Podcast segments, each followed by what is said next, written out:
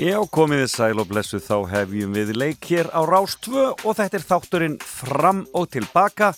Ég heiti Felix Bergsson og ætla að vera með ykkur eins og alltaf fram til tíu frétta í dag. Það er blöytt hjá okkur í höfuborginni og eh, enda er hann eh, söðvestlægur. Það er bara eins og það er og... Eh, Það þýðir það eitt að veðrið heldur áfram að vera gott á norður og austanverðum helmikið landsins. Þannig að við bara óskum fólki allsins besta þar og vonaði þið farið varlega og muni eftir sólavörninni. Við þurfum ekki á henni að halda hér á suðvestur horninu. En veðurhorfurnar er eins og sagði hér í E, fréttonum suðvestan átt 8-10 mitur og sekundu skíða með köplum og sumstaða smá skúrir en yfirleitt bjart fyrir austan og hitin 9-20 stig hlýjast eistra og það er suðvestlæg átt næstu dag og dál til væta með köplum vestamegin á landinu að mestu bjart og þurft austan megin. Og gæti hitin á 21 stígi þar á mánudagin eftir miða viku er útið til að vindur minni snúast í norðlæg átt með kólandi veðri en þá færir vætan sín norður og það léttir til sunnan til á landinu. Já já, svona er þetta Já, en við ætlum að gera ímislegt skemmtilegt í fram og tilbaka í dag. Ég ætla að fá hér góðan gest í fimmuna. Nú erum við kona fullt í það aftur. Og það er hún Donna Cruz sem kemur til mín. Hún er leikona og markaðstjóri eh, og eh, líka nefni í félagsfræði. Eh, við ætlum að heyra í henni hér á eftir um fimm atriði sem hún vil bæta hjá sjálfrið sér. Þetta er enginn smá eh, fimma og verður gaman að heyra í Donnu hér á eftir. Við ætlum síðan aðeins að teka hvað gerast á deginum og svo ætlum við að ringi í góða konu Vigdísi Haflega dóttur sem er eh, grínisti og eh, leikona og útásmaður og eh, bladamaður en jáfnframt söngkona í hljómsveitinu flott. Og það er slóðu aldrei sér gegn í tónaflóði Rásar 2 á menninganótt og hérna, spiluði í bílageimslinn í hörpu. Heyrum aðeins í Vigdísi eftir hún har mjög skemmtilega síningu framöndan sem að ég hefur nú verið aðeins í gangi en áfara á fullt núna á haustinu. Svona stand-up síningu grínistar góðir þar á ferð. En svo er það lag dagsins og ég var eitthvað sem að finna eitt gamalt og gott hérna með Rio Trio frá 1973 en Rio Trio er náttúrulega stórnvægt ég heyrði náttúrulega Helga P. í vikunni alltaf svo gaman að heyri Helga P. og þarna eh, hann er náttúrulega berjast í málefnum eldri borgara en hann er, hefur alltaf verið mikill barátum aður svona í gegnum tíðina fyrir góðum málum held ég öruglega en e, upp á Ríja 3 smá rekja aftur til Gagfræðaskóla Kópavóks og var sveitin allatíð kent við Kópavók e, en e, hins vegar og svo var þetta lagi Kópavóks bragur en þetta var semst ekkert rétt því að, því að þetta þessi tenging var aðeins þarna í upphafi. En tríóði verður svona eins og það varð svona í kringu 1969 þegar að þarna, þegar að þeir, þeir eru ornir þarna þrýr félagarnir. E, það eru þetta Helgi P. og e, það eru Óli Þórðar og svo var það hann e, e og svo var það hann sem ég veit alveg hvað heitir Ágúst Allarsson og það er 69 sem hann kemur inn í sveitina og þar með er í og tríða fullt skipað og svo náttúrulega bætstu við Gunnið Þórðar og Jónas Friðrik. Og þeir eruðu svona, já, svona fjórði og fymti meðlimur þessa tríós. En lagi sem ég ætla að spila það er frá 1973 og uh, þetta er dásanlega fallegt. Eitthvað undarlegt. Hér er Ríó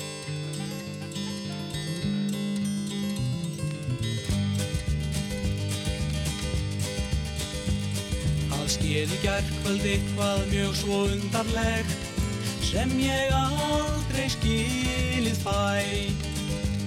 Það gerði líf mitt allt svo nýtt og ótrúlegt og ég skil eitthvað er komið hér af stað en eitthvað hefur undarlegt skemmt Unglingur ég var á ferðum ógun lönd þegar augun tók að sjá. Fjarrri öllum þeim sem veittu vendar hönd. Þegar eitthvað bjart og ókunnug með snart og eitthvað hafði undarlegt skér skil ei enn vel hvað vakir fyrir mér veit þó samt að minn hugur núna sér. Drauma blik daga nýra, undra land, ævindýra.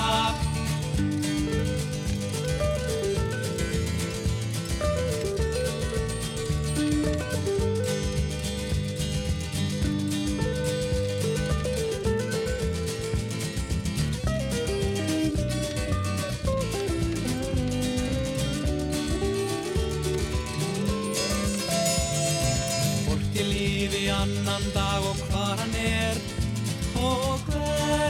veit ég ei og hvort ég verð á heimleið eða ennþá hér. Ég sagt ei fæ en samt ég glaður hlæ. Því eitthvað hefur undarlegt skér skil ei enn vel hvað vakir fyrir mér. Veit og samt að minn hugur núna sér. Drauma blik daga nýra undra land ævindýra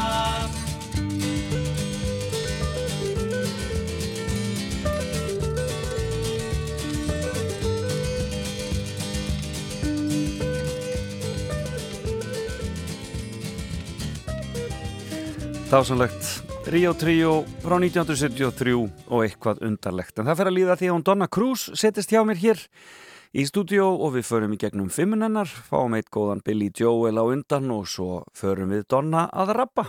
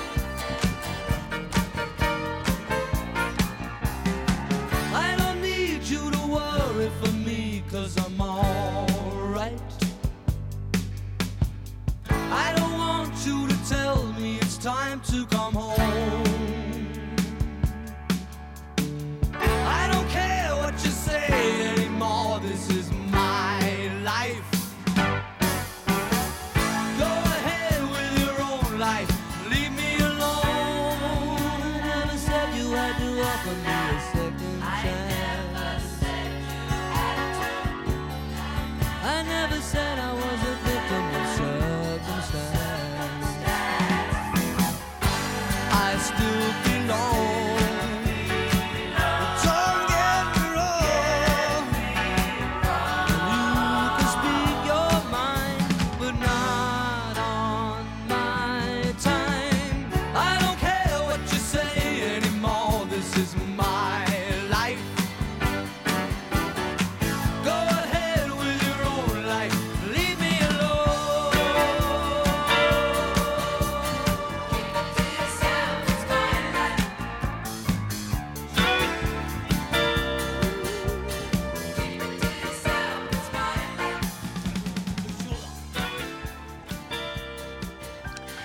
Og gestur dagsins komin til mín.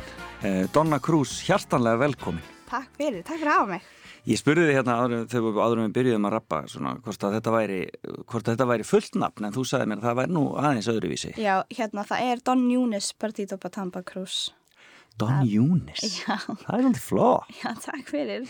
Ég var hérna, uh, mér fannst það ekki sko, Nei, akkurat. þegar ég var yngri Já. og svo þegar ég var í mentaskóla þá Já.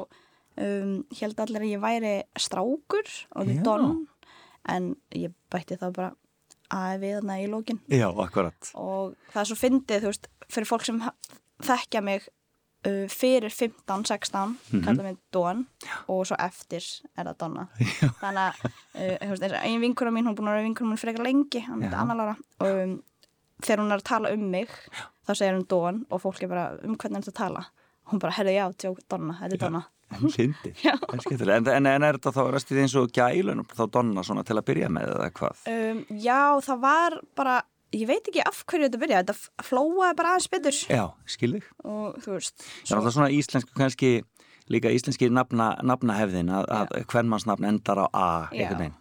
Já, það var það, Anna og Donna. Já, einmitt. Það flóaði eins betur og svo bara hérna, hjælta flóað aðeins betur sko.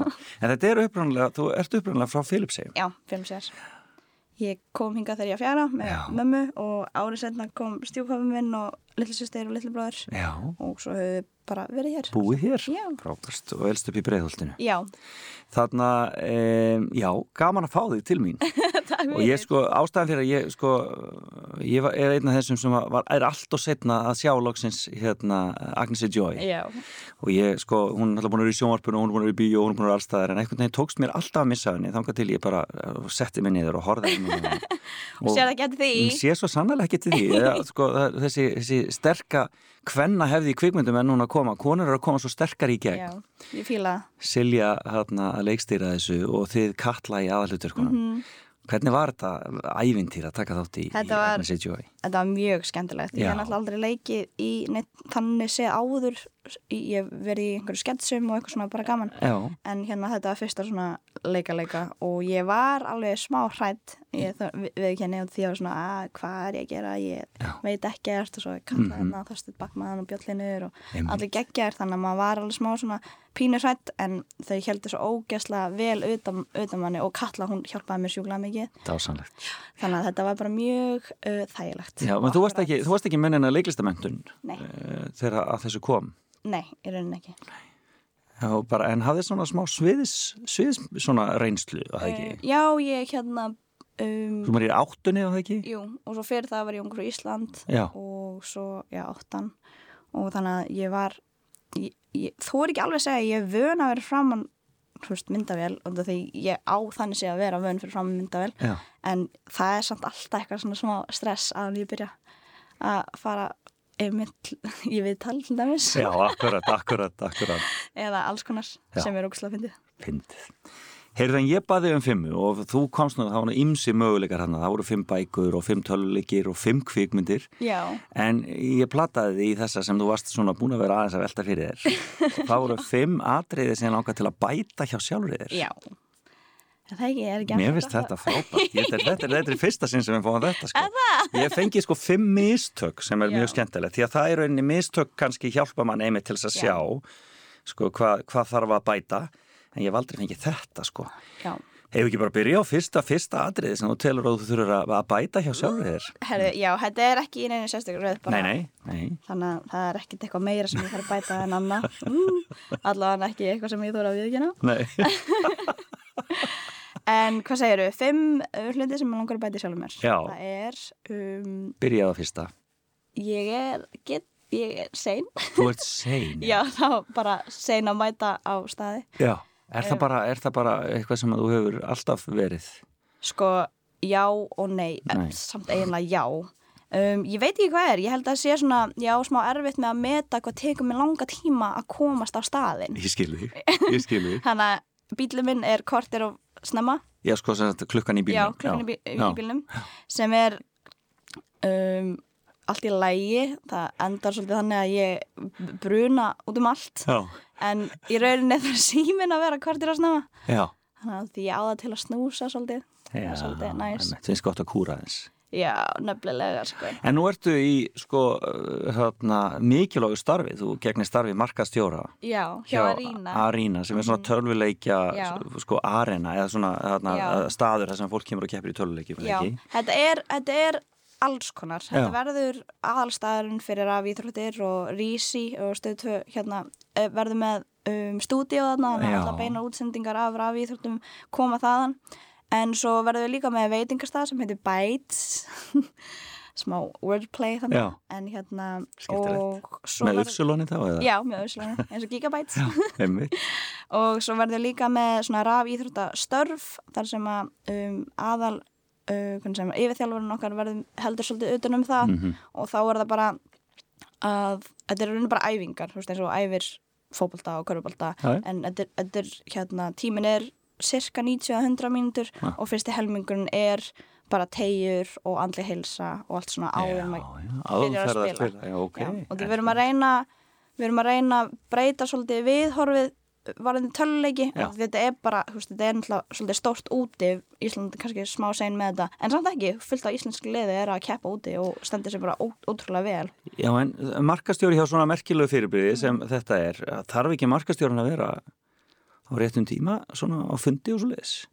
Jú, Já. það væri betra sem er, sem er svona 70-30 Þú ert oftast á réttum tíma. ég er Já. óttast að þetta tíma En, en já um, en þetta fyrir periodan og sjálfið er að vera segin. Já, sko, ekki það að ég sé eitthvað mikið sein, en það, það fer alveg í mig ef ég er veist, fimm tímundum á sein, það er svona, þú líka að láta býða eftir mér, en þess vegna er ég svona að reyna að bæta þessu. Reyna að bæta því. þessu. Já. þetta er, þetta er, ég held að þetta sé eitthvað sem margir þekkja. Ég menna, þetta er alveg ótrúlegt. Það er, svo- er líka bara eins og líkasklukka fólk sé, sé mismunandi. Ertu A eða B manneskja? Ég var alltaf B, Já, en ég er hægt að róla, uh, ég er einlega komin í A, já. en svo svona yfir sumarið, þá er maður svona A, B, Lætur að slæta, Já, lætur að slæta, eins og maður ég segir. fer sko, hérna, ég fer alltaf á æfingu 7-10, Ok, já, frábært. uh, og ef ég fer á æfingu 7-10, þá er ég oftast ekki sein. Hvað stundur er crossfit? Uh, Worldfit. Já, Ég er þar. Já, já, Þannig að uh, ég byrjaði fyrra og þá var ég í skóla og þá var að vakna 6.30, æfing 7.10, Já. skóli frá 9 til 4.5 Já. og svo vinna til svona 9.10. Kannski aðeins meira út í skólan og eftir, en uh, hvað, hvað er næsta atriði sem þú ert með á listanum? Herðu, næsta atriði. Ok, ég Þetta er er spennandi. of stolt. Erstu of stolt? Já, eða mér finnst ég stundum vera of stolt eða stolt. En þetta er... Er það, er það þá kannski þrjóska eða eitthvað já, svoleiðis? eða? já, það er svolítið það, sko. Já. Ég, en það er 100% eitthvað sem ég er búin að bæta mig rosalega mikið í. Um, Hvað hva, hva, lístu því, hvað hva meinar með þessu? Hvernig, hvernig kemur það fram? sko mm, stolt þr þrjóska þetta Já. er svona eiginlega Svolítið saman, sama, já. já. en eins og þegar ég var yngri Já. mamma og amma eru mjög íhöldsum og svona traditional Já, og mamma og amma voru mjög mikið að skama mig fyrir að kunni ekki elda já, og kunni ekki taka til, ég var ekki mjög mikið að taka til þegar ég var yngri þannig að amma og mamma voru oft bara, herru, þú verður að kunna læra að taka til og að elda hvernig ætlar að halda í manni ef þú kannt ekki þessu hluti Já. Og þá náttúrulega þrjóskanast allt í mér ég var bara, herru, ég bara þarf ekki mann, ég ætla ekki að læra þetta já, datt ekki hug alveg. já, ég var, ég neit Korki að, þrýfa nýja elda.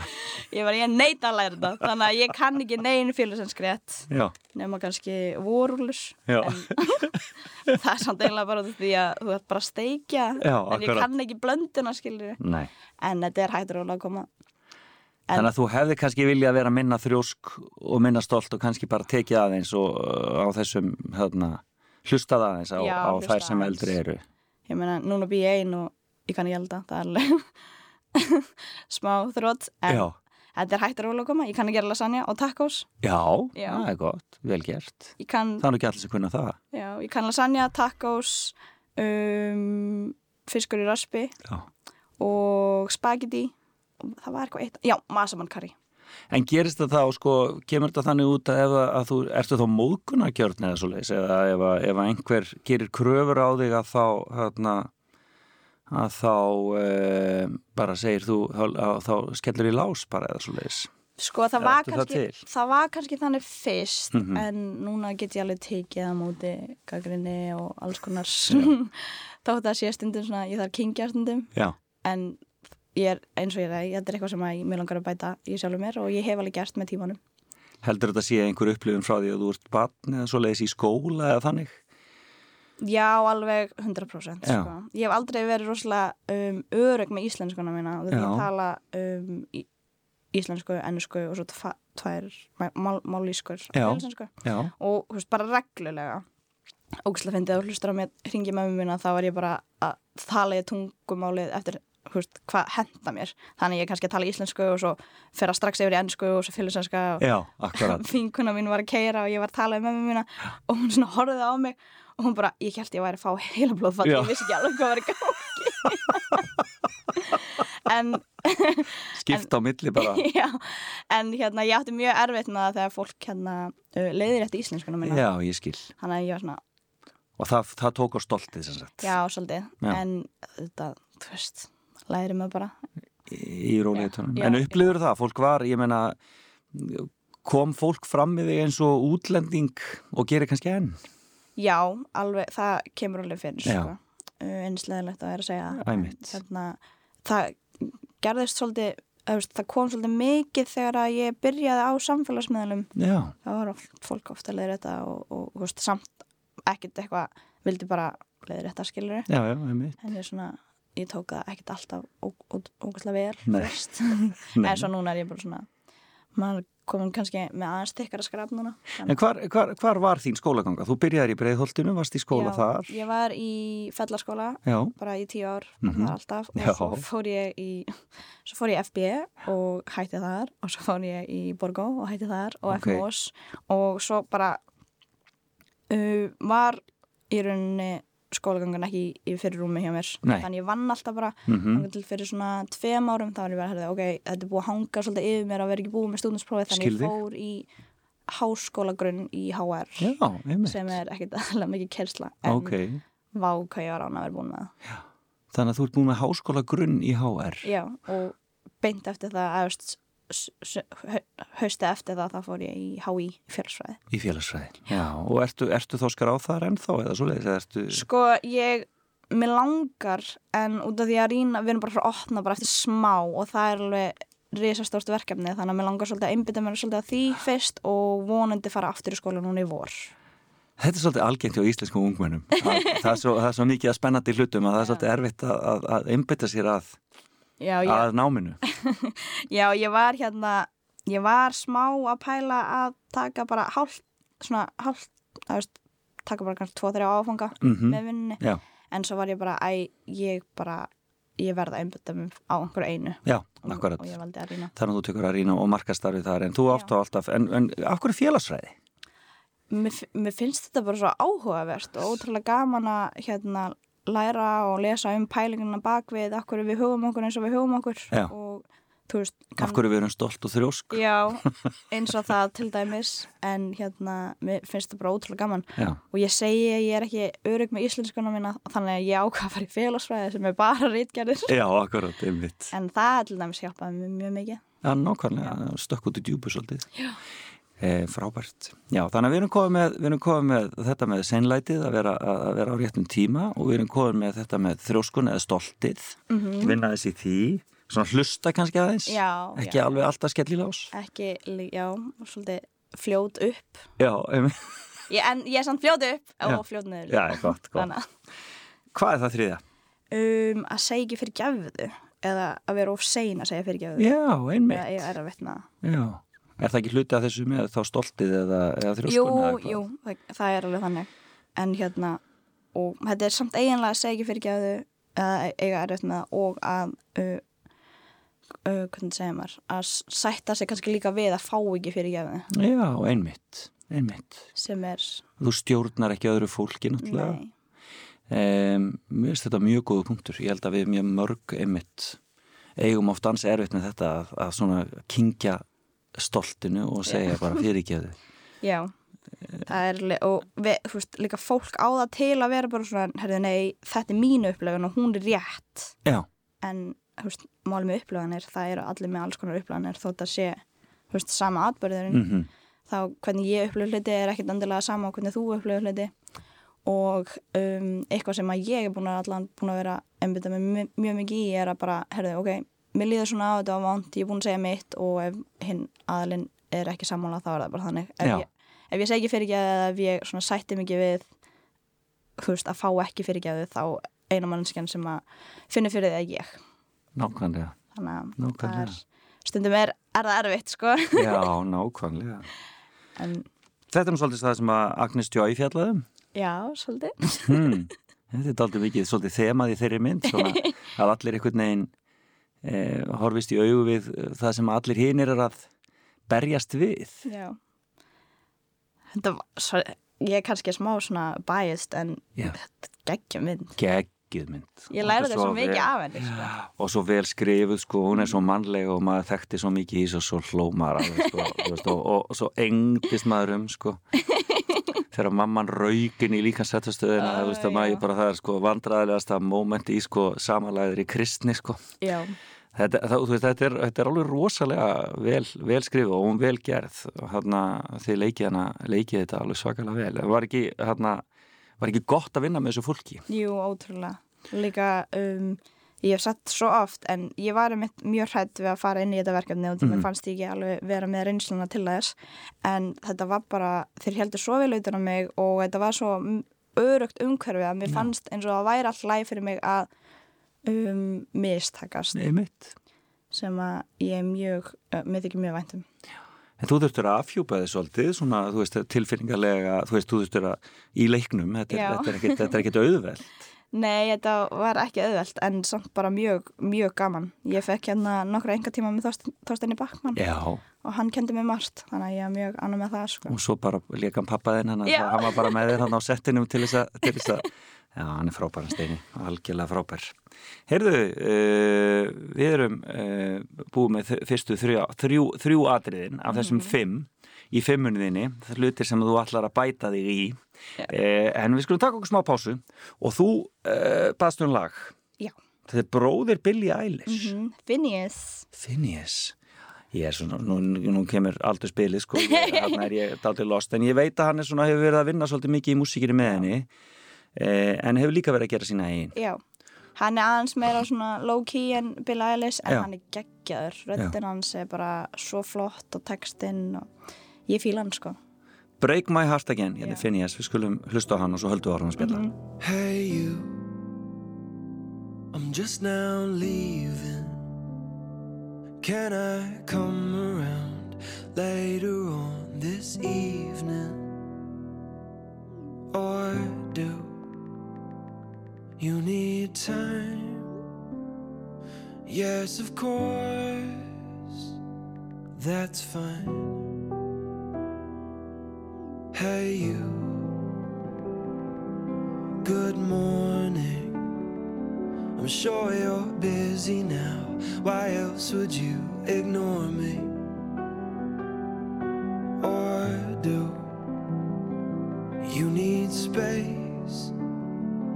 You can't help it if your mind has changed.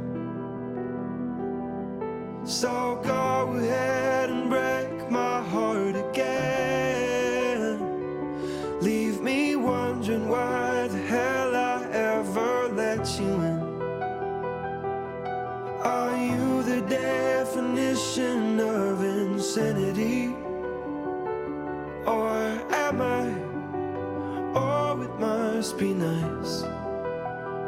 to love someone who lets you break them twice.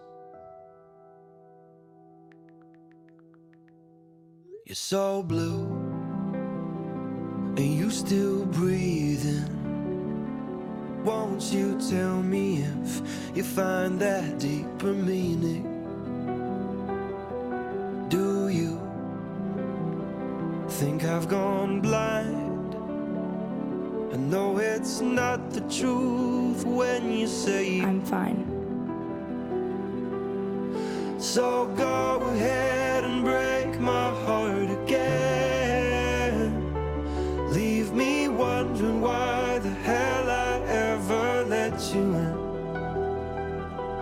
Are you the definition of insanity?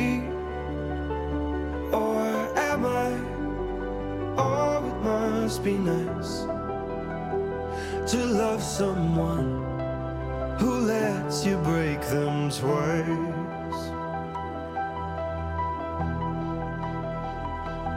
Don't pretend that I'm the instigator. You are the one, but you were born to say goodbye. Kissed me half decade later. That same perfume, those same sad eyes. Go ahead and break my heart again. Leave me wondering why the hell I ever let you in. Are you the definition of insanity? Or am I? Or am I? It must be nice to love someone who lets you break them twice.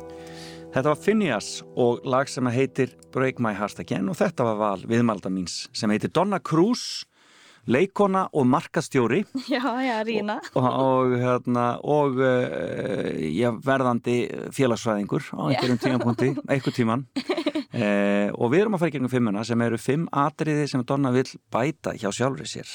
Og við erum búið með uh, þetta með tímastjórnununa að vera á réttum tíma. Við töluðum aðeins um stoltið og, og, og þrjóskuna. Og svo var þetta að geta sagt fyrirgefðu. Og, og einmitt að taka á móti líka fyrirgefningan eða sagt þessi fyrir það að maður fá ekki alltaf fyrirgefningabeðinni frá öðrum. Já. Það er, þetta er, þetta er nefnilega það er sko, þetta er nú eitt mikilvægasta orðið í mannlegum samskiptum. Já, Já, ég allan ólst upp þannig að fólkdur mínu svo ekki fyrir ekki af mig. nei, Um, en það kom út á, þú veist, á, það kom út á annan hátt. ég skil Því að mamma fórum kannski að mökk rífast, ógslag erfitt, mjög mikið svona tension heima. já, Um, svo fer ég bara í herbyggi mitt, hún fer að gera sitt og svo kvöldmat er uppáldsmatur minn. ég skil Tannis sagði hún fyrir ekki af þau. já, en, En- hún sagði það ekki En hún sagði það ekki. en sko, er, er, finnst þér að vera menningamunur þarna sko, í sko, samskiptunum uh, á milli uh, fjölskyldur frá Fylbjörnsegum og fjölskyldur frá Íslandi Já, ég, ég finn það alveg, Já. sko. En hérna, svo læri maður bara áfram eins og um, það er kannski smá, svona, smá leðalt að segja, en pabbi minn hefur aldrei sagt ég elskaði við mig, já, sem, en ég veit samt alveg hann elskar mig og því allt sem ég geri, þá bara deilum við á Facebook og nákvæmlega, sýnir það á annan Já, máta já. það er svolítið þannig, en þau er kannski smá erfitt með að tjá sig hvað var það, þú veist, með orðum. En það er nú bara nú held í kynnslóðamál meira en nokkuð annað, ég Já. held að við þessum Ég held- aldrei síðan dálta er við með þetta ég held að sé nefnilega það sko því ég hérna ég komst að veist, ég fattaði þetta og ég, ég á lítinn frenda sem er að verða sjönónin november Já. og ég reynir svo mikið að tala við hann Já, Þú einmitt. veist, alltaf þegar hann gerir eitthvað eða hann Já. gerir eitthvað sem ég fíl ekki þá er ég bara, herru, þú gerir þetta og það let mér líða svona og Mhm. þetta er ekki alveg eitthvað sem að ég kann að meta og það er svo fyndið því hann gerir nákvæmlega saman við mig og ömmu sinni og veist, það er bara gaman að fylgjast með. Frábært, já, þá lærir hann í Já. rauninni aðra, aðrar aðferðir. Frábært, Hve- hvernig er hann frændiðin er hann hann er hérna sonur sýstuminnar sem er, Frábært. sem hún er eina ára yngri en ég. Hæðislegt en hann er, hann er algjör prakkari sko, stundum stundum fæ ég bara, herðu, þú hva, hver ertu? og ég, stundum er ég bara að segja, hann er svo erfiður. Já, og hún horfur á mig, hún horfur augun á mér og bara, hvar heldur hann lærir þetta? þú ert alltaf með honum þannig að þú ert, já þannig að þú færð það óþvegið tilbaka já. Heyrðu þá, það er spurning, er þetta fjórða atriðið að að hætta að, þarna, að, að, að, að spilla að frændanum litla? uh, ég herðu, það kannski ætti að vera þetta líka En hvað er fjórða uh, atriðið? fjórða atriði er maður sjá það er um, kannski svona væntingastjórnin. Já, að vera ekki með of háar væntingar. Já, sem er alveg, þú veist, sem er náttúrulega bæða gott og vond og þetta viltu um, meðhátt já, já, stefnir og já, stjórnunar. já, en það er líka svona að ég veit ekki, ef maður með er ofhátt og er, það er kannski ekki alveg í samræmi við veruleikan þá er það bara uppskrift að vera fyrir vonbröðum sko. Já, já, nákvæmlega. Er kannski, en já, svona væntingastjórnun kannski er líka, er ekki aðalega bara einhvern veginn að, að líta raunsætt á málinn, sko, hvað, hvað getur gerst og hvað ekki. Ég hef ofta uh, heyrt af, og ég meina maður upplega sjálfur, hans fólk sem er að senda frá sér eitthvað listaverk, senda frá sér lag eða senda frá sér leikrit eða eitthvað, það hefur mikla væntingar um hvað þetta muni verða vinsælt og, og, og svo gerist það ekki og það er náttúrulega gríðarlega vombriði. Já, Þannig að þetta er kannski spurningu það að bara einhvern veginn að láta þá frekar hlutin að koma sér aðeins og óvart. já, eins og með Agnes Joy. Já, akkurat. En hvað með, en hvað með þessu Ungfrú Ísland þegar þú fórst í það? Varstu með væntingar í því? Nei, ég, raunin ekki sko, ég bara, um, þegar að ég fór í Ungfrú Ísland, Mhm. þá hefði ég ekkert séð neitt svona á sama húnlit og ég, eða, eða úr sem bakgrunn, eða bara erlendi bakgrunn, Já. þannig að ég, mér fannst það svolítið gaman. Já. Um, og svo bara smá þrjóska og því þegar ég sagði með minni frá að ég væri að fara í þetta þá var hann bara, það er af hverju Já. þú veist, þú ert ekki típan í þetta og þá fekk ég bara, herðu Nú ger ég þetta. já, ég bara watch me.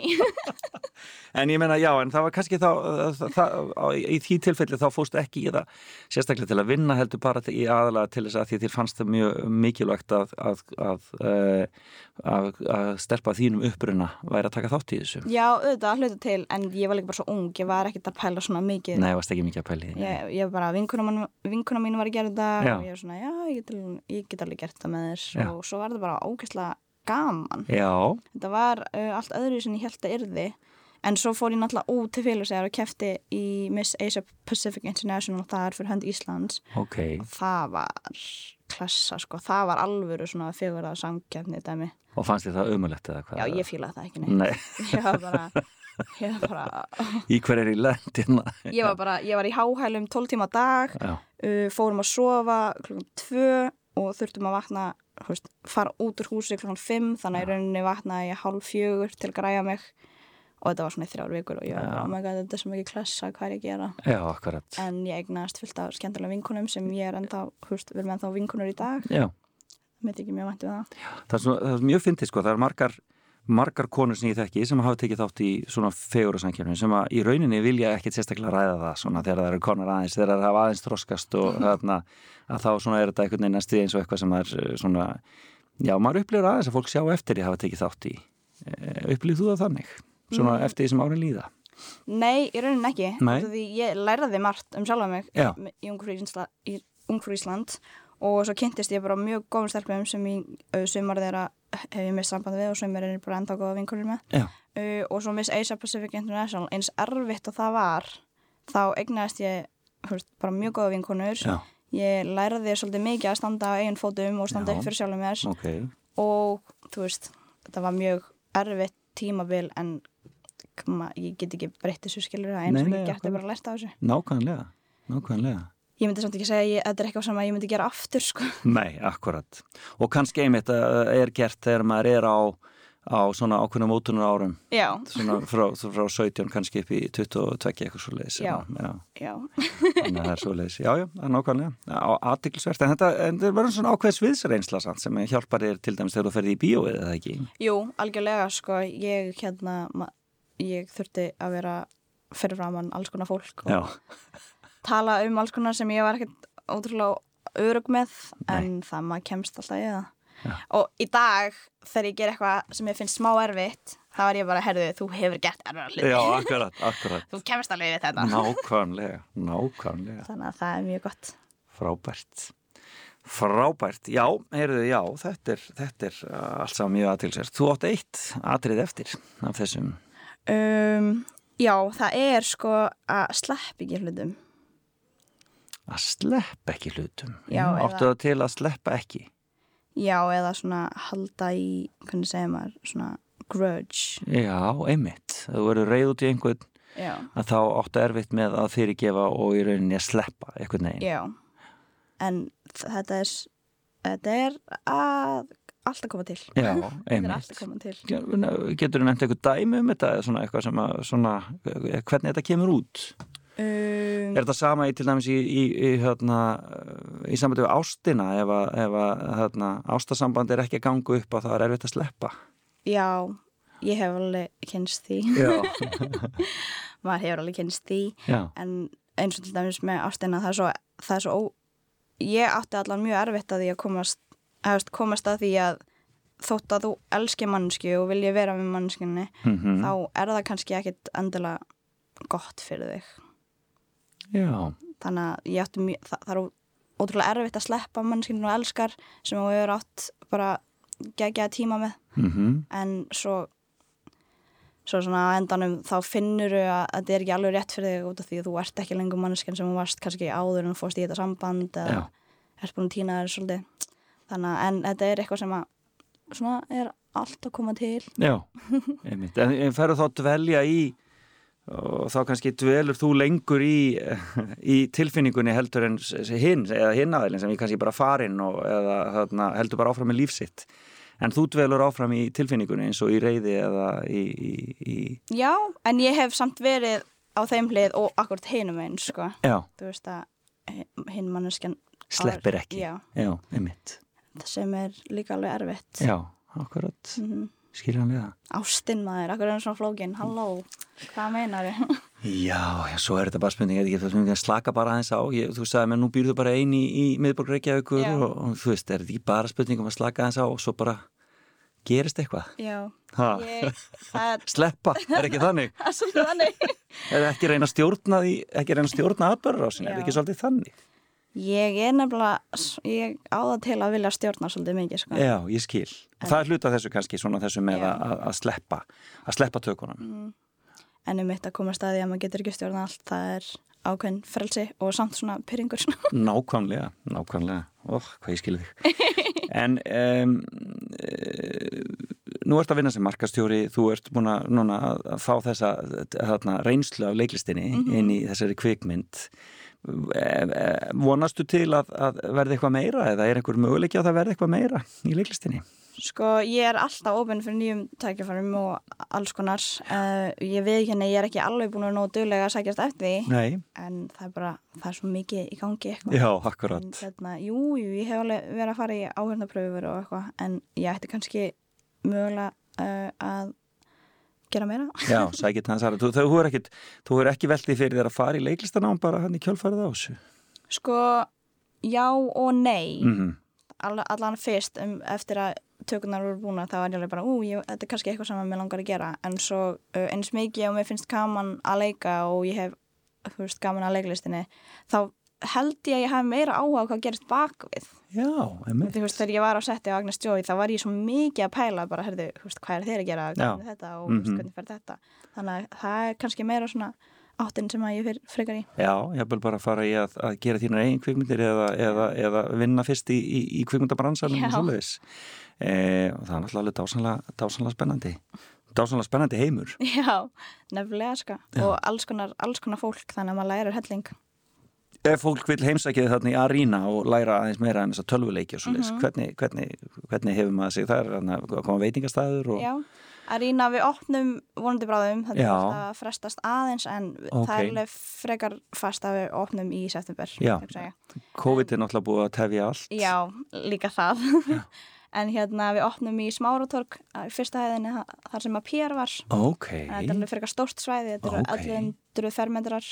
Og uh, ég, ég held að skráningar fyrir raf íþróta hérna, æfingar sé að opna bráðum, þetta er í samstarfi breyðablik Já, og svo er þetta líka bara, þú veist, við verðum með partíherbyggið þannig að vinahópu getur leikt út herbyggið og bara lanað og bara haft gaman, sko, þannig að þetta er algjör stemming, þetta er alls konar. lanað, býtu, nú að tala við 154 ára, sko.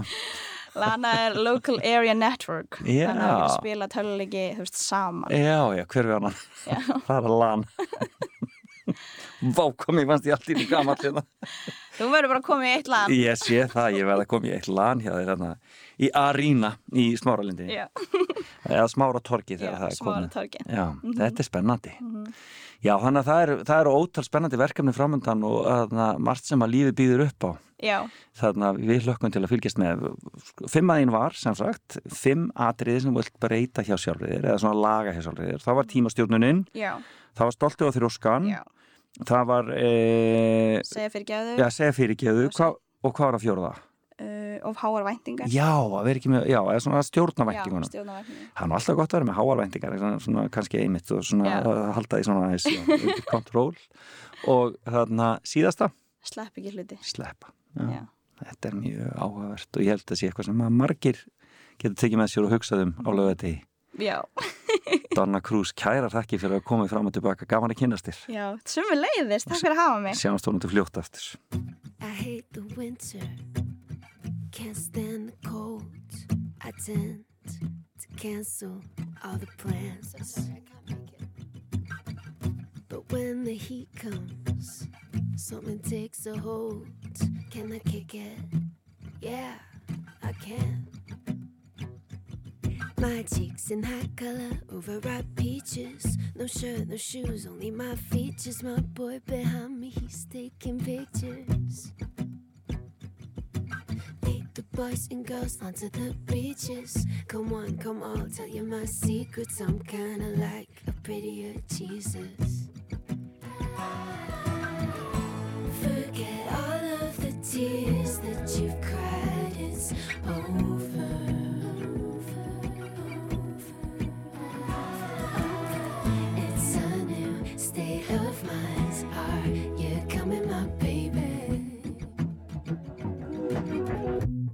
Acid green, aquamarine. The girls are dancing in the sand. And I throw my cellular device in the water. Can you reach me? No, you can't. my cheeks in hot color, overripe peaches. No shirt, no shoes, only my features. My boy behind me, he's taking pictures. He's taking pictures. Lead the boys and girls onto the beaches. Come on, come on, tell you my secrets. I'm kinda like a prettier Jesus. Turn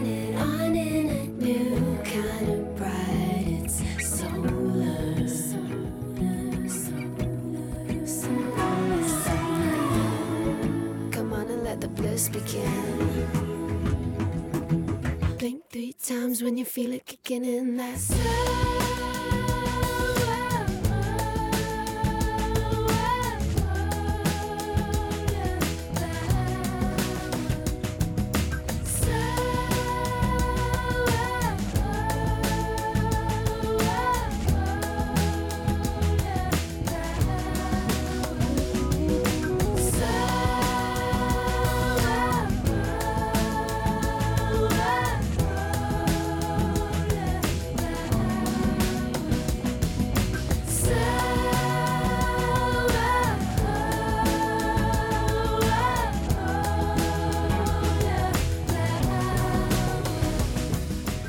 Já, þetta er Lord og uh, Solar Power og Donna Cruz farin frá mér. Mikið óskaplega gaman að fá hana í heimsókn hér og í kaffesopan og uh, flott fimmann hennar um, uh, já, hluti sem hann er langað til að breyta hjá sjálfur sér. Ég held að við höfum öll gott að því að gera slíkan fimm atriða lista Og ef þið eru ekki að horfa á uh, sjónvarpið þá kveikið á því núna því að það eru ólimpíuleikar í gangi, ólimpíuleikar fallara og uh, þetta er alveg með ólíkindum að fylgjast með þessu stórkostlega íþróttafólki sem er að uh, synda í augnumlikinu.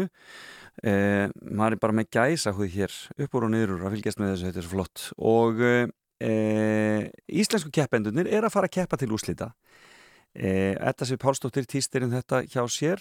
Már Sannsvætt Gunnarsson er að keppa í úrslitum núna klukkan 9.10 sem sagt bara eftir eh, einhverjar 15 mínútur, þetta er á Rúf 2 og Telma er að fara að keppa í sínu úrslitasundi klukkan 10.18 og þetta er auðvitað ólimpíuleika fallara þannig að eh, endilega eh, stilliði á Rúf 2 og styðjum okkar fólk áfram Ísland og áfram íþróttafólk. Þetta er bara stórkoslegt að fylgjast með þessu. Kurðu bara áfram og hlustaðu áfram og tilbaka á Rástföð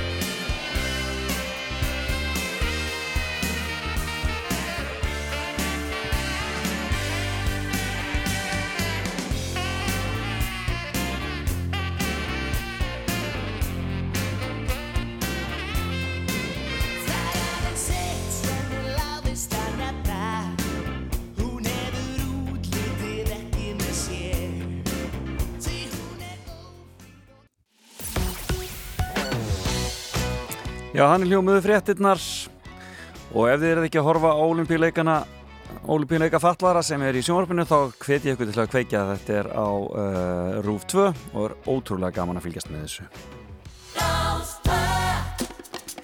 Já, þetta er að hlusta á þáttinn fram og tilbaka. Ég heiti Felix Bergsson, þetta ringja í Vigdísi Hafleðadóttur hér og eftir söngkonu og grínista og svo ætlum við aðeins að kíkja það sem gerist á deginum. Og svo ætlum við bara að spila skemmtilega tónist og hafa það hugverlegt álaugardagsmátni eins og alltaf.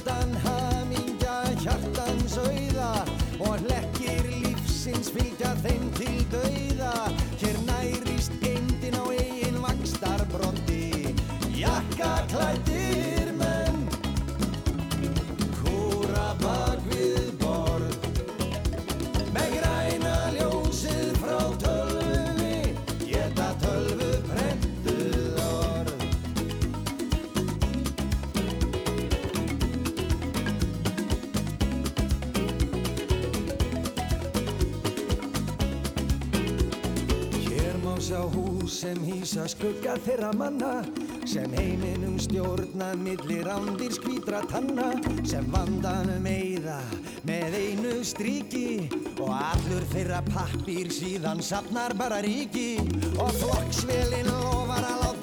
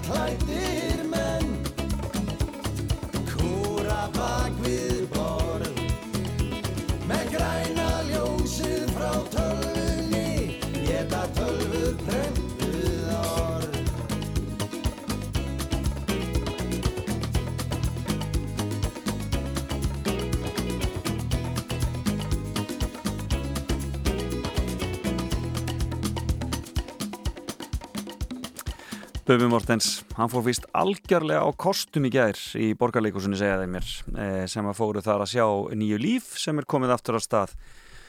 Og því líka stemningin sem að verður fyrir þeirri síningu þegar við fáum loksins að komast aftur í leikúsið í 200 manna hólfum. Þetta eru Madness og Embarrassment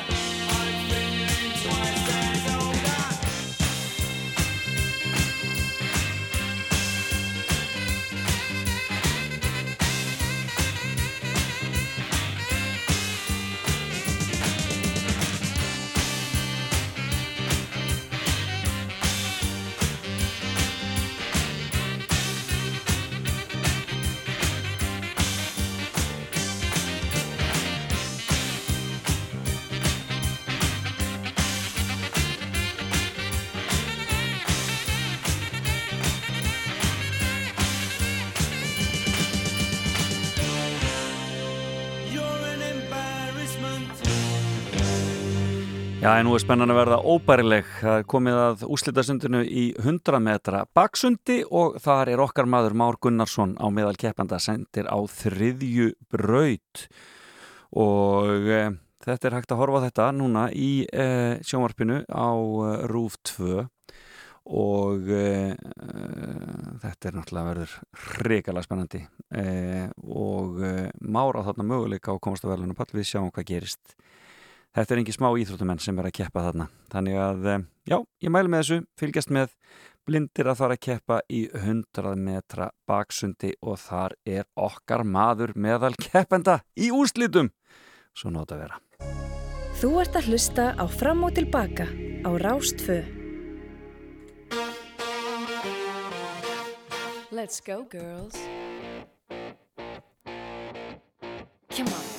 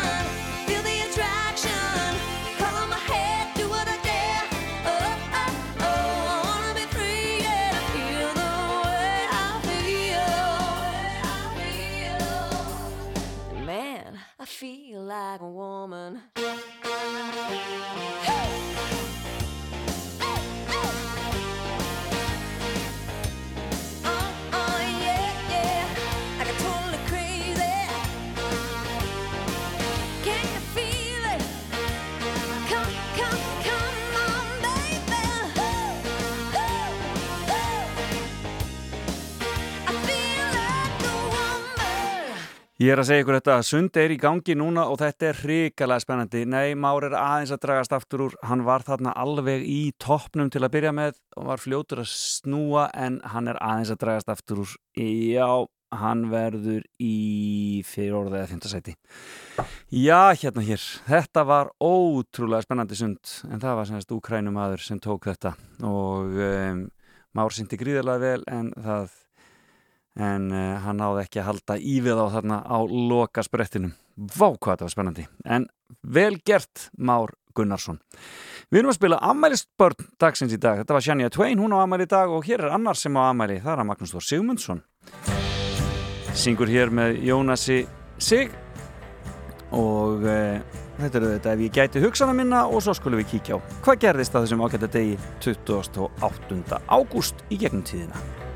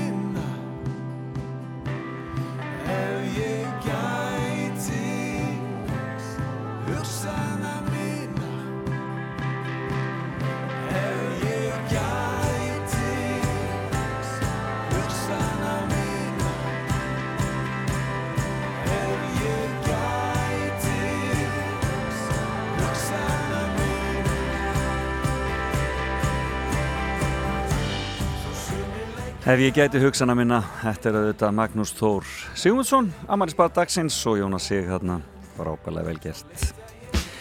En eigum við að kíkja aðeins á hvað gerðist á þessum ágæta degi 28. ágúst í gegnum tíðina.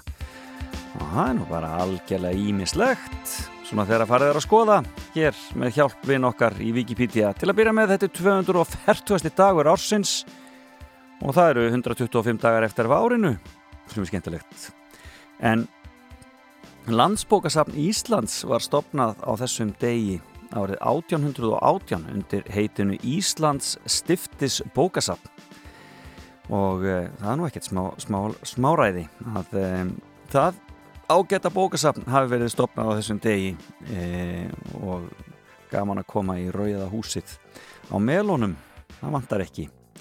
E, Friðarhöllin í Hag var formlega opnuð árið 1913 og árið 1915 var fyrsta bílslýsið á Íslandi sem leiti til döðsfalls Já, það er ekki fallegt en það er þannig. Það er sem sagt, eru rúm 100 ár síðan það var fyrsta döðsfallið af völdum bílslýs þannig að það minnur okkar á að fara varlega. Það er allt og margir búin að falla e, fyrir, já, bara af, af þessum völdum Síðan er það árið 1967, við hoppum hérna langt fram í tíman, uh, höldum okkur svolítið við íslensku fréttinnar á þessum degi, en tólmann áhöfn stíganda frá Ólasfyrði bjargaði eftir rúmlega fjögur á sólarhingar prakningar í björgunabátt. Sígandi sökk á síldarmiðunum 700 mílu norður í höfum og var þetta slýðist til þess að tilkynningaskildunni var komið á laginnar.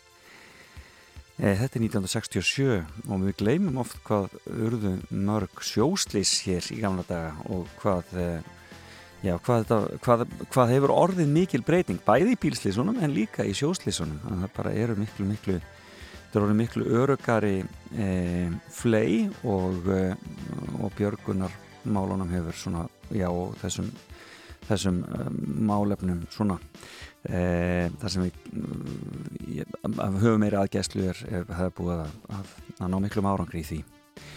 En þetta var semst 1967 sem þessari áhöfn stíganda frá Ólasfyrði var bjargað.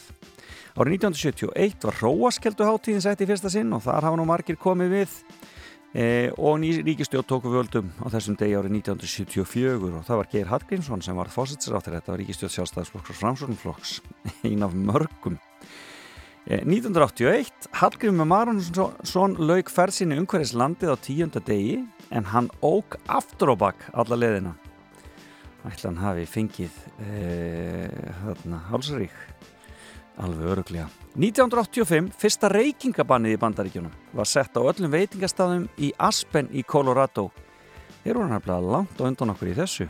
Og svo er það fyrir 35 árum þegar útastöðin Bilgjan hóf útsendingar. Fyrsta stöðin eftir að engar ettur ríkisútarsins var afnuminn. Þetta var 1986. Og e, árið 1988 verður skriðuföll á Ólasfyrði eftir mikla rigningar. Verður 200 manns að rýma húsín. Mikið tjón varð á mannvirkjum en ekki slýsa fólki. Já, það er svona, getur þetta verið veðrið hjá okkur. Það er nú ekki svona veður fyrir norðan núna. Og svo var það árið 1996. Karl Bretaprins og Díana prinsessa skildu. Svona er þetta. Þannig að um, látum við þetta ekki bara næja. Jú, árið 2009 umdeild lög um ríkisábyrð vegna millireikirdeilna sem kendar eru við iSafe voru samþygt á alþingi. Þetta var árið 2009. En það er eitt eftir og það er árið 1982. Þá voru haldnir tónleikar á melavellinum. Melarokk voru þeir kallaðir og meðal þeirra hljómsveita sem þar kom fram var Purkur Pilnik. Ég var stattur þarna, ekki nema 15 ára gamall og greiðt höfgum tárum yfir því að Purkurinn var að hætta. Rifum hér að upp þeirra, ekki enn. Punk á lögadagsmotni. Ekki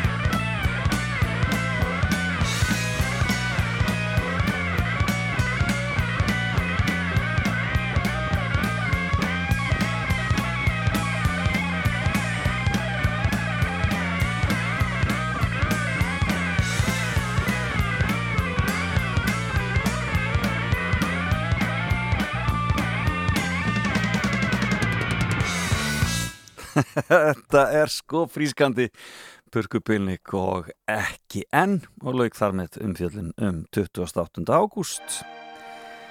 Og eftir allavega ringja í Vigdísi Hafliða dóttur söngkonu og heyra af henni. Já, hún grínisti líka.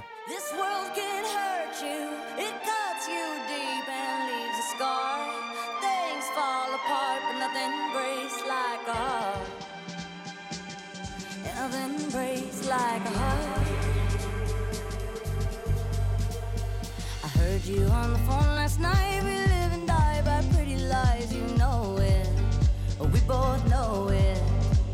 These silver bullet cigarettes, this burning house, there's nothing left, it's smoking. We both know it. We got all night to fall in love, but just like that, we fall apart. We're broken, we're broken. Mm, nothing, nothing, nothing gonna save us now. Well, this broken silence by thunder crashing in the dark, crash in the dark. And this broken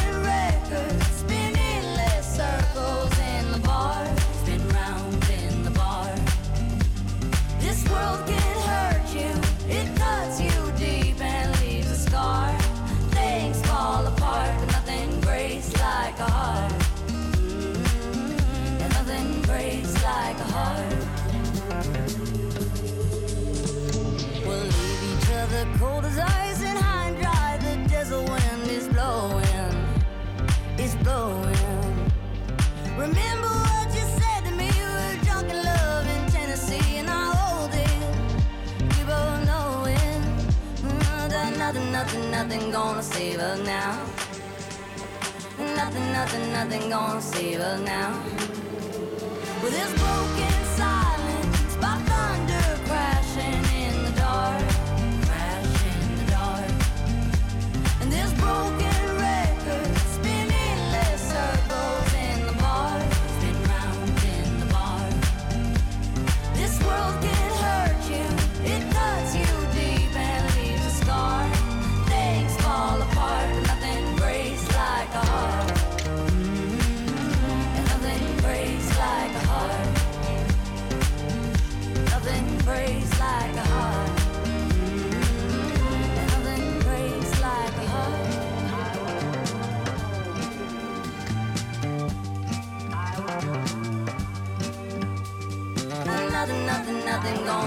us now. Nothing, nothing, nothing gonna save us now.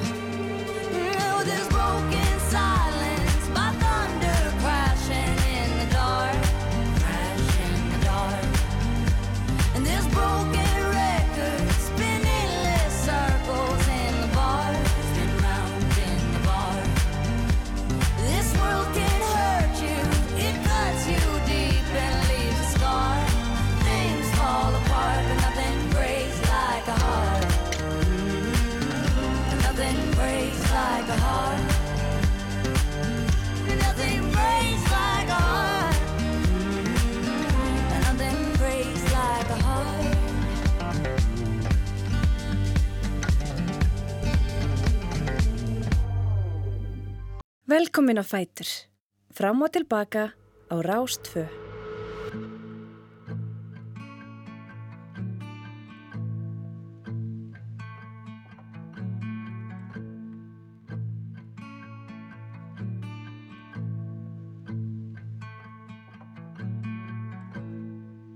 Þegar borgin slekkur á sér Á finn ég losnum þessa debur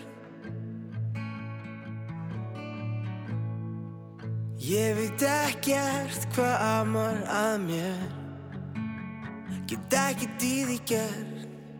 Ég er þannig að Guði gerð Ég er ekki eins og fólk er flest Nei, ég hef aðra sín og fegur. Ég hef alltaf verið tossi úr skóla lífsins. Get ekkert í því ger Ég er þannig af Guði gerð En kunnum allavega að hafa gaman. Eiginlega líf okkar og hlægjum síðan yfir þessu saman. En kunnum allavega að hafa gaman. Eiginlega líf okkar og grátum síðan yfir þessu saman. Ég veit að moldin mun kalla á mig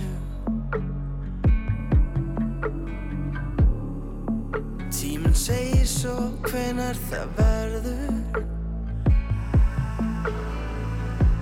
En ég finn þessar hugsanir herja á mig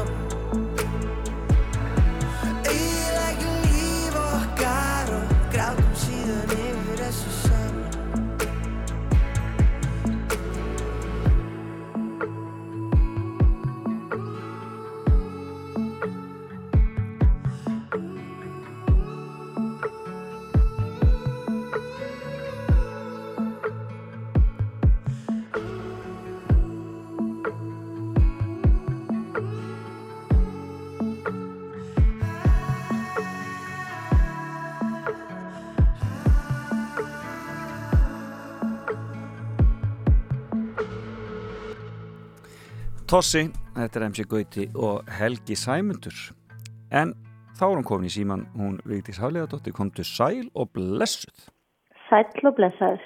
Gaman Góðan daginn. Góðan daginn, er ég, er ég að gera þér mikið rúmur og skal vekja þig klukkan 9.30 lögur smanni Já, þetta er allt í lagi. Þetta er bara góð kvartning fyrir mig. Er til það að ekki? Fara að drífa mig í gang og gera eitthvað skemmtilegt. skella þér á stað þarna e, til hamingi með performansin ykkar þarna, þegar þið voruð að spila í þarna, tónaflóðinu daginn, þeir stóðuð ykkur frábærlega Já, takk hérlega fyrir það. Ertu búin að fá mikil viðbröð eftir þessa, þessa, uppákomu? Það er auðvitað hljómsettin, hljómsettin flott sem, sagt, sem um ræðir þarna Já, jú, þetta er bara, bara svona, þetta gekk bara vonum framar. Við ekki ágætt í slökkum, tekja eftir því að svona, höfum fengið ný like á Facebook Já. og ný follow á Instagram og Þar, svo hef ég fengið skilabóð frá fólki og E- sem er voða skemmtilegt, sem ég þekki ekki neitt. en skemmtilegt Já, Sko en við sem þekktu þið áður sem útaskonu uh, og podcastmannesku og svo náttúrulega sem grínista og, uh, og svo fréttakonu í Iceland Music News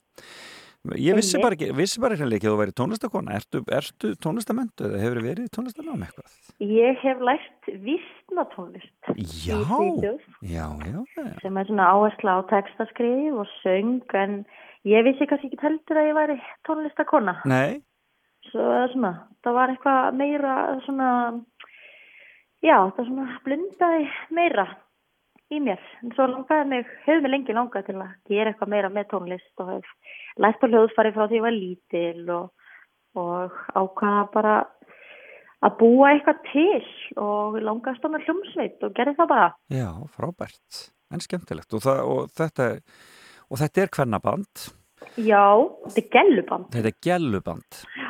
Þó að það kannski skipti ekki öllu máli. Þetta er bara, fyrst og hennast bara frábæri tólistamenn hann á ferðinni já Þekktust þið allar svona- fyrir eða hvað? Nei, misvel. Við erum svona kjarni hérna sem hefur sekst í svolítið tíma. Já. En svo vorum við svona, okkur langaði alveg, það var alveg ákvörðin að hafa bara stelpur þó að við séum ekki endilega eitthvað svona stelpuband en það var hugmyndin að reyna svona að finna sína það eru stelpur sem kunna alls konar hljóðfari og semja lög út frá okkar svona eigin reynsleimi og út frá okkar eigin á okkar forsendum nákvæmlega og það er, það er ótt að segja það, að, þarna, að mér er drull hafi til dæmis verið nákvæmlega svoleiðis lag, þetta er heilmikil þetta er heilmikil epik, þetta er heilmikil saga í þessu lagi. Já, já, þetta er einmitt svona, þetta er vissna einspóið sko Já, þetta er svona smá, smásaga eiginlega af, af, af, kvöldi vinkvenna á djaminu. Akkurat. Akkurat, það var svona sem, sem ímislegt svona kemur upp á og reynir á vináttu og fleira. Briljant.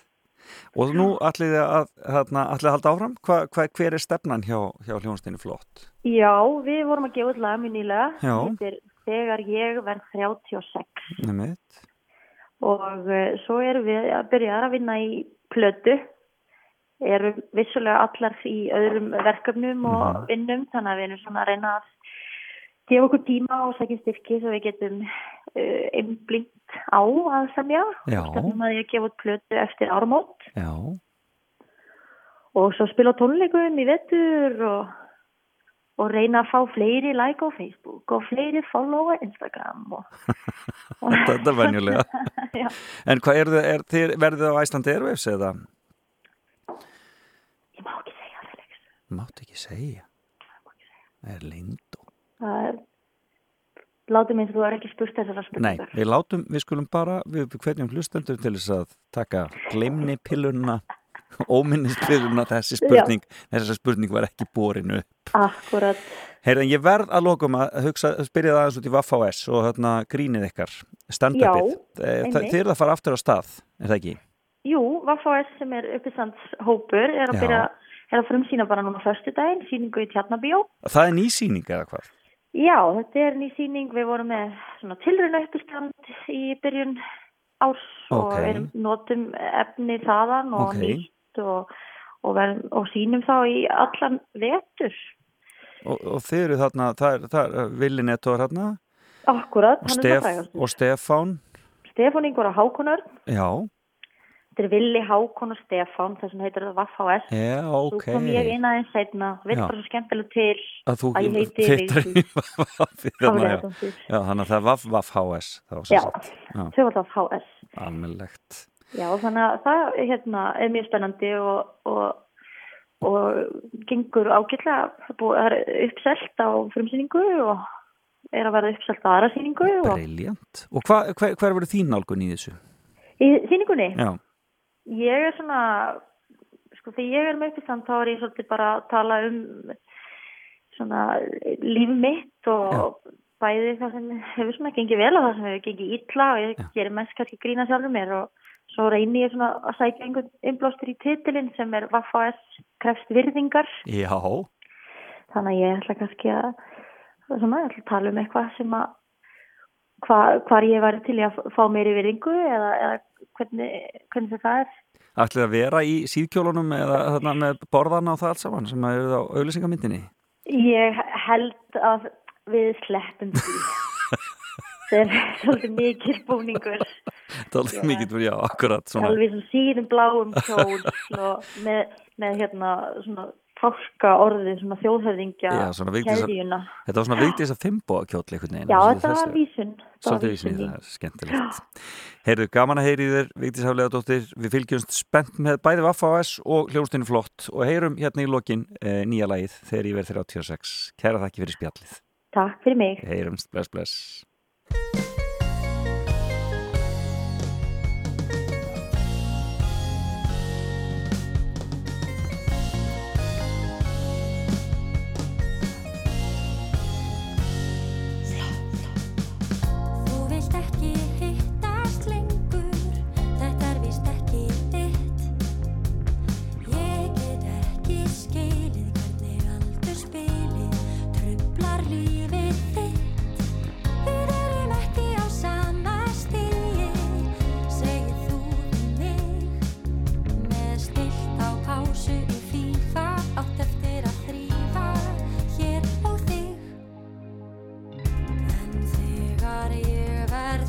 your side.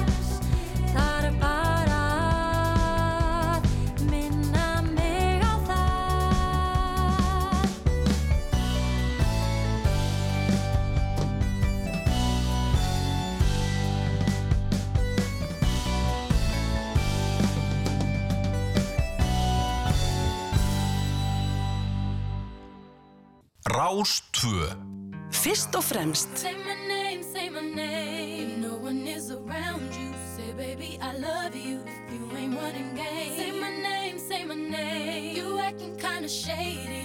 Ain't calling me baby. Why the sudden change? Say my name, say my name. If no one is around you Say baby I love you. If you ain't running game. Say my name, say my name. You acting kinda shady. Ain't calling me baby. say my name.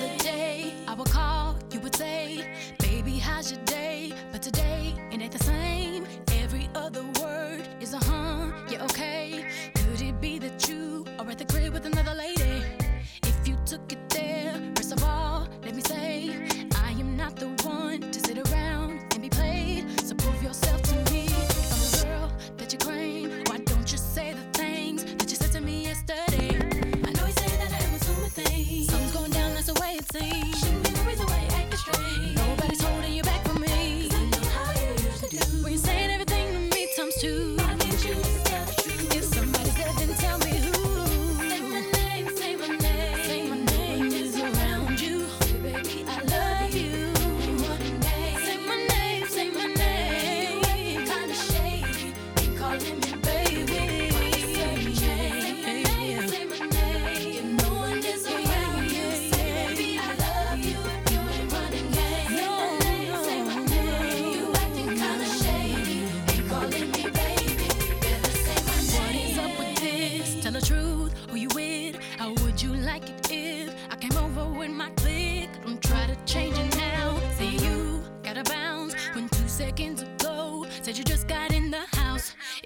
believe that you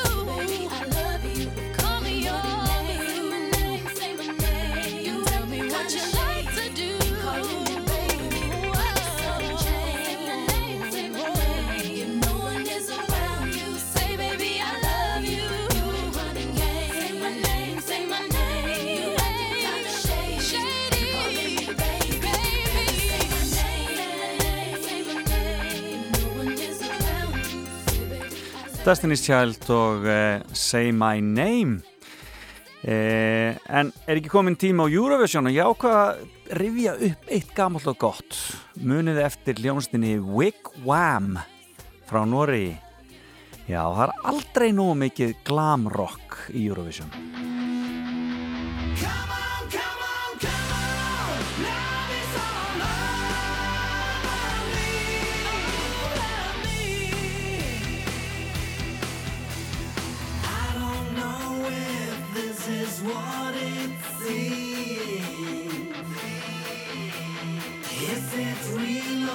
just a fantasy. Hate to please is all you ever do. Making all my fairy tales come true.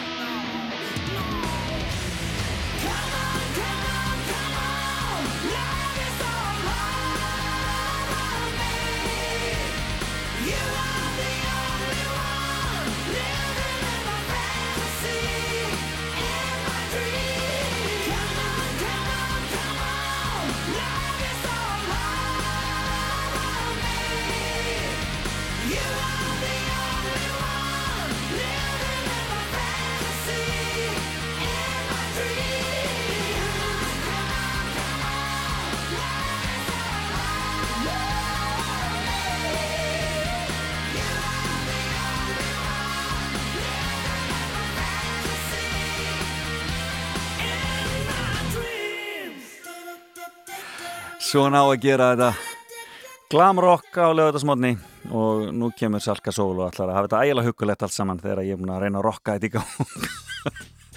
Þetta er búið hjá mér í dag.